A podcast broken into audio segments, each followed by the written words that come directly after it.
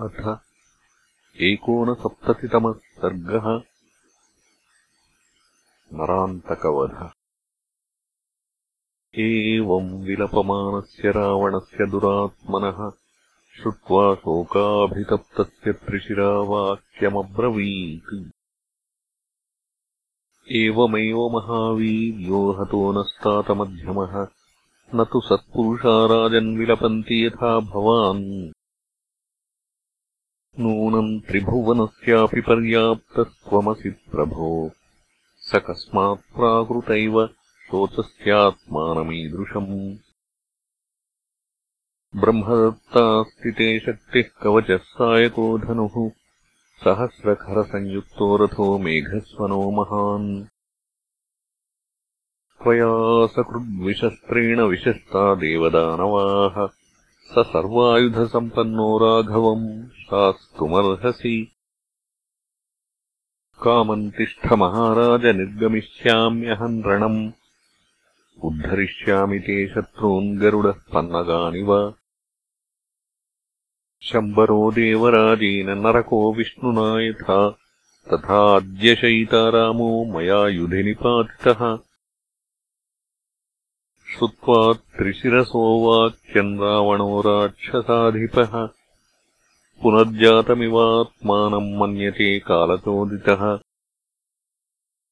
श्रुत्वा त्रिशिरसोवाक्यम् देवान्तकनरान्तकौ अतिकायश्च तेजस्वी बभूवुर्युद्धहर्षिताः।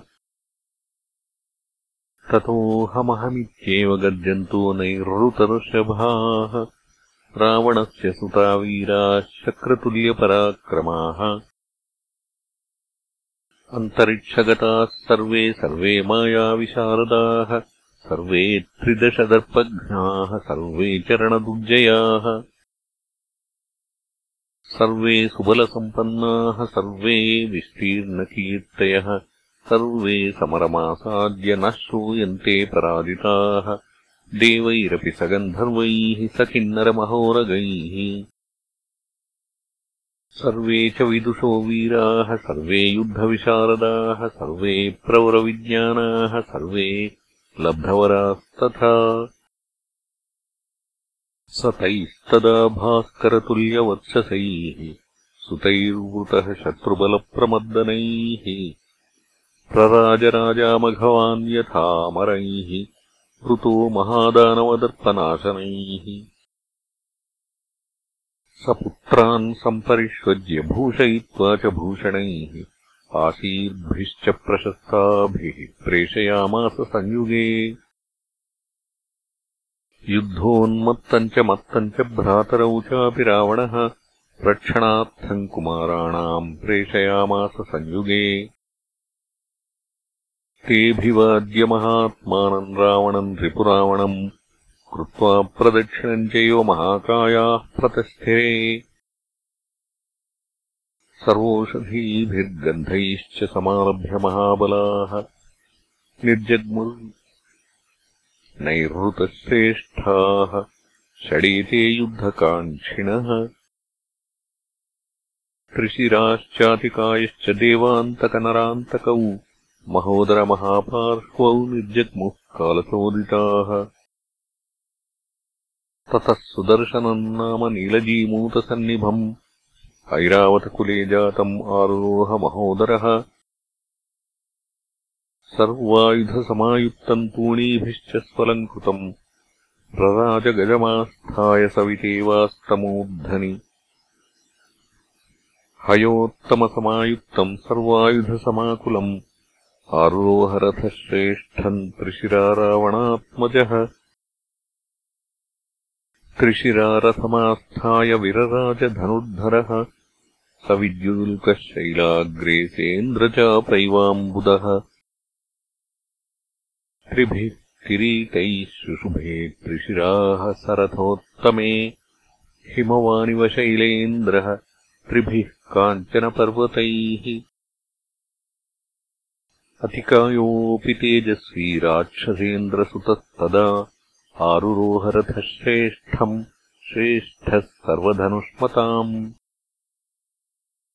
सुचक्राक्षम् सुसंयुक्तम् स्वनुकर्षम् सुकूबरम् तूणीबाणासनैर्दीप्तम् प्रासासि परिघाकुलम्। स काञ्चनविचित्रेण मकुटेन विराजता भूषणैश्च बभौ मेरुः किरणैरिव भासयन्। स रराजरथे तस्मिन् राजसोर्महाबलः वृतो नैरृतशार्दूलैः वज्रपाणिरिवामरैः। हयमुच्चैश्रवः प्रख्यम् श्वेतम् कनकभूषणम् मनोजवम् महाकायम् आरुरोहनरान्तकः गृहीत्वा प्रासमुल्काभम् विरराजनरान्तकः। शक्तिम् आदाय तेजस्वी गुहः शिखिगतो यथा। देवान्तकः समादाय परिघम् वज्रभूषणम्। परिगृह्य गिरिन्दोभ्याम् वपुर्विष्णोर्विडम्बयन् महापार्श्वो महाकायो गदामादाय वीर्यवान् विरराजगदापाणिः कुबेरैव संयुगे। प्रतस्थिरे महात्मानो बलैरप्रतिमैर्वृताः। सुरा इव अमरावत्या बलैरप्रतिमैर्वृताः। तान् गजैश्च तुरङ्गैश्च रथैश्चाम्बुदनिःस्वनैः। अनुजग्मुर्महात्मानो राक्षसाः प्रवरायुधाः ते विरेजुर्महात्मानो कुमाराः सूर्यवर्चसः किरीटिनः श्रियादुष्टाग्रहा दीप्ता इवाम्बरे प्रगृहीता बभौ तेषाम् शस्त्राणाम् आवलिस्थिता। शारदाभ्रप्रतीकाशा हंसावलिर्वाम्बरे मरणम् वापि निश्चित्य शत्रूणाम् वा पराजयम् इति कृत्वा मतिम् वीरा निर्जग्मुः संयुगार्थिनः। जगद्जुश्च प्रणेदुश्च चिक्षिपुश्चापि सायकान् जगृहुश्चापि ते वीरा निर्यान्तो युद्धदुर्मदाः। क्षेडिता स्फोटनिनदैः चचार च वसुन्धरा रक्षसाम् सिंहनादैश्च प्रस्फोटेव तदाम्बरम् तेऽभिनिष्क्रम्य मुदिता राक्षसेन्द्रा महाबलाः ददृशुर्वानरानीकम् समुद्यतशिलानगम्। हरयोऽपि महात्मानो ददृशुर्नैरृतम् बलम् हस्त्यश्वरथसम्बाधम् किङ्किणीशतनादितम्। नीलजीमूतसङ्काशम् समुद्यतमहायुधम् दीप्तानलरविपथ्यैः सर्वतो नैरृतैर्वृतम् तद्दृष्ट्वा बलमायान् तम् लब्धलक्षाः प्लवङ्गमाः। समुद्यतमहाशैलाः सम्प्रणेदुर्महाबलाः अमृष्यमाणा रक्षांसि प्रतिनद्दन्ति वानराः। ततः समुद्घुष्टरवन्निशम्य रक्षो गणा वानरयूथपानाम् अमृष्यमाणाः परहर्षमुग्रम् महाबलाभीमतरम् विनेदुः। ते राक्षसबलम् घोरम् प्रविश्य हरियूथपाः। विचेरुरुद्यतैः शैलैः नगाः शिखरिणो यथा।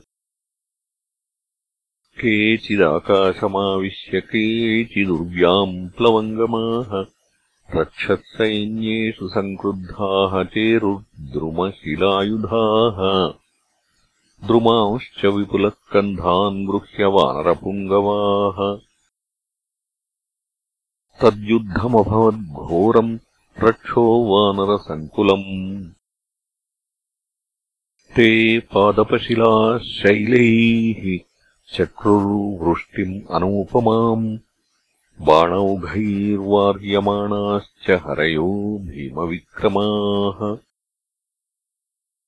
सिंहनादान्विनेदुश्चरणे वानरराक्षसाः। शिलाभिश्चूर्णयामासुः यातुधानान् प्लवङ्गमाः। निजग्धनुः संयुगे क्रुद्धाः कवचाभरणावृतान्। केचिद्रथगतान् वीरान् गजवाजिगतानपि निजघ्नुः सहसा प्लुत्ययातुधानान् प्लवङ्गमाः शैलशृङ्गातिताङ्गाश्च मुष्टिभिर्वान्तलोचनाः। चेरुः केतुश्च नेदुश्च तत्र राक्षसपुङ्गवाः राक्षसाश्च शरैस्तीक्ष्णैः बिभिदुः कपिकुञ्जरान् शूलमुद्गरखड्गैश्च जघ्नुः प्रासैश्च शक्तिभिः। अन्योन्यम् पातयामासुः परस्परजयैषिणः। रिपुशोणितदिग्धाङ्गाः तत्र वानरराक्षसाः। ततः शैलैश्च खड्गैश्च विसृष्टैर्हरिराक्षसैः। मुहूर्तेनावृता भूमिः अभवच्छोणिताप्लुता विकीर्णपर्वताकारैरक्षोभिरविमर्दनैः आसीद्वसुमती पूर्णा तदा युद्धमदान्वितैः आक्षिप्ताः क्षिप्यमाणाश्च भग्नशूलाश्च वानरैः पुनरङ्गैस्तथा चक्रुः आसन्नायुद्धमद्भुतम् वानरान् वानरैरेव जघ्नुस्ते रजनीचराः राक्षसान् राक्षसैरेव जघ्नुस्ते वानरापि। आक्षिप्य च शिलास्तेषाम् निजघ्नू राक्षसाहरीन्। तेषाम् चाच्छिद्य शस्त्राणि जघ्नू रक्षांसि वानराः निजघ्नुः शैलशूलास्त्रैः बिभिदुश्च परस्परम् सिंहनादान् विनेदुश्च रणे वानरराक्षसाः छिन्नवर्मतनुत्राणा राक्षसा वानरैर्हताः रुधिरम् प्रसृतास्तत्र रससारमिव द्रुमाः। रथेन च रथम् चापि वारणेनैव वारणम्। हयेन च हयम् केचित् निजघ्नुर्वानरारणे। प्रहृष्टमनसः सर्वे प्रगृहीतमनः शिलाः हरयो राक्षसान् जघ्नुः द्रुमैश्च बहुशाखिभिः। तद्युद्धम् अभवद्घोरम् रक्षो वानरसङ्कुलम् क्षुरप्रैरर्धचन्द्रैश्च भल्लैश्च निशितैः शरैः राक्षसा वानरेन्द्राणाम् चिच्छिदुः पादपान् शिलाः। विकीर्णैः पर्वताग्रैश्च द्रुमैश्छिन्नैश्च संयुगे हतैश्च कपिरक्षोभिः दुर्गमावसुधाभवत् ते वानरा गर्वितहृष्टचेष्टाः। सङ्ग्राममासाद्यभयम् विमुच्य युद्धन्तु सर्वे सह राक्षसैस्तैः। नानायुधाश्चक्रुरदीनसत्त्वाः। तस्मिन् प्रवृत्ते तुमुले विमर्दे प्रहृष्यमाणेषु वलीमुखेषु निपात्यमानेषु च राक्षसेषु महर्षयो देवगणाश्च नेदुः ततोऽहयम् मारुततुल्यवेगम् आरुह्यशक्तिम् निशिताम् प्रगृह्य नरान्तको वानरराजसैन्यम् महार्णवम् मीनैवाविवेश स वानरान् सप्तशतानि वीरः प्राचेन दीप्तेन विनिर्बिभेद। एकः क्षणेनेन्द्ररिपुर्महात्मा जघानसैन्यम् हरिपुङ्गवानाम्। ददृशुश्च महात्मानम् हयपृष्ठे प्रतिष्ठितम्। चरन्तम् हरिसैन्येषु विद्याधरमहर्षयः। स तस्य ददृशे मार्गो मांसशोणितकर्दमः। पतितैः पर्वताकारैः वानरैरभिसम्भृतः यावद्विक्रमितुम् बुद्धिम् चक्रुः प्लवगपुङ्गवाः तावदेतान् अतिक्रम्य निर्बिभेदनरान्तकः। ज्वलन्तम् प्रासमुद्यम्य सङ्ग्रामाग्रे नरान्तकः। ददाह हरिसैन्यानि वनानीव विभावसुः। यावदुत्पाटयामासुः वृक्षान् शैलान् वनौकसः तावत्प्रासहताः पेतुः वज्रकृत्ता इव अचलाः दिक्षु सर्वासु बलवान् विचचारनरान्तकः प्रमुद्नन् सर्वतो युद्धे प्रावृत्काले यथा अनिलः। न शेकुर्धावितुम् वीरा न स्थातुम् स्पन्दितुम् भयात्। उत्पतन्तम् स्थितम् यान्तम् सर्वान् विव्याधवीर्यवान्। एकेनान्तकल्पेन प्राचीनादित्यतेजसा। भिन्नानि हरिसैन्यानि निपेतुर्धरणीतले वज्रनिष्पेषसदृशम् प्राशस्त्याभिनिपातनम् न शेकुर्वानराः सोढुम् ते विनेदुर्महास्वनम् पतताम् हरिवीराणाम् रूपाणि प्रचकाशिरे वज्रभिन्नाग्रकूटानाम् शैलानाम् पततामिव।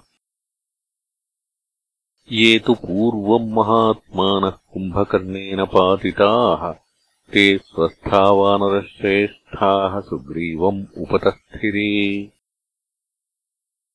विप्रेक्षमाणः सुग्रीवो ददर्श हरिवाहिनीम् नरान्तकभयत्रस्ताम् विद्रवन्तीमितस्ततः। विद्रुताम् वाहिनीम् दृष्ट्वा स ददर्शनरान्तकम् गृहीतप्रासमायान्तम् हयपृष्ठे प्रतिष्ठितम्।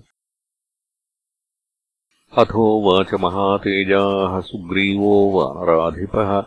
कुमारम् अङ्गदम् वीरम् शक्रतुल्यपराक्रमम् गच्छत्वम् राक्षसम् वीरवो योऽसौ पुरगमास्थितः शोभयन्तम् हरिबलम् क्षिप्रम् प्राणैर्वियोजय। स भर्तुर्वचनम् श्रुत्वा निष्पपाताङ्गदस्ततः अनीकान् मेघसङ्काशान् मेघानीकादिवांशुमान् शैलसङ्घातसङ्काशो हरीणाम् उत्तमोऽङ्गदः प्रराजाङ्गदसन्नद्धः स धातुरिव पर्वतः निरायुधो महातेजाः केवलम् नखदंष्ट्रवान्। नरान्तकमभिक्रम्य वालिपुत्रोऽब्रवीद्वचः तिष्ठ किम् प्राप्तैरेभिः हरिभिः त्वम् करिष्यसि। अस्मिन् वज्रः समस्पर्शम् प्रासम् क्षिपममोरसि। अङ्गदस्य वचः श्रुत्वा प्रचुक्रोधनरान्तकः सन्दस्य दशनैरोष्ठम् विनिश्वस्य भुजङ्गवत्। अभिगम्याङ्गदम् क्रुद्धो वालिपुत्रम् नरान्तकः। प्रासम् समाविध्य तदाङ्गदाय समुज्ज्वलन्तम् सहसोत्ससर्ज स वालिपुत्रोरसि वज्रकल्पे बभूव भग्नोऽन्यपतच्च भूमौ।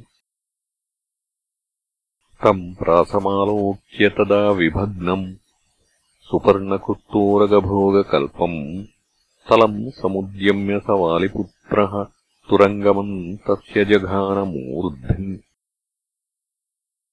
निमग्नतालुः स्फुटिताक्षितारो निष्क्रान्तजिह्वोचलसन्निकाशः स तस्य वाजी निपपातभूमौ तलप्रहारेण विशीर्णमूर्धा। नरान्तकः क्रोधवशम् जगाम हतम् तुरङ्गम् पतितम् निरीक्ष्य समुष्टिमुद्यम्य महाप्रभावो जघानशीर्षे युधि वालिपुत्रम् अथाङ्गदो मुष्टिविभिन्नमूर्धा सुस्रावतीव्रम् रुधिरम् भृशोष्णम् मुहुर्विजज्वालमुमोह चापि संज्ञाम् समासाद्य विशिष्मिये च। अथाङ्गदो वज्रसमानवेगम् संवत्यमुष्टिम् गिरिशृङ्गकल्पम् निपातयामास तदा महात्मा नरान्तकस्योरसि वालिपुत्रः स मुष्टिनिष्पिष्टविभिन्नवक्षा ज्वालावमच्छोणितदिग्धगात्रः नरान्तको भूमितले पपात यथाचलो वज्रनिपातभग्नः अथान्तरिक्षे त्रिदशोत्तमानाम् वनौकसाम् चैव महाप्रणादः बभूव तस्मिन्निहते ग्रियवीरे नरान्तके वालिसुतेन सङ्ख्ये। अथाङ्गदो राममनः प्रहर्षणम् सुदुष्करम् तत्कृतवान् हि विक्रमम्। विशिष्मिये सोऽप्यतिवीर्यविक्रमः पुनश्च युद्धे स बभूव हर्षितः। इत्यार्षे श्रीमद् रामायणे वाल्मीकीये आदिकाव्ये युद्धकाण्डे एकोनसप्ततितमः सर्गः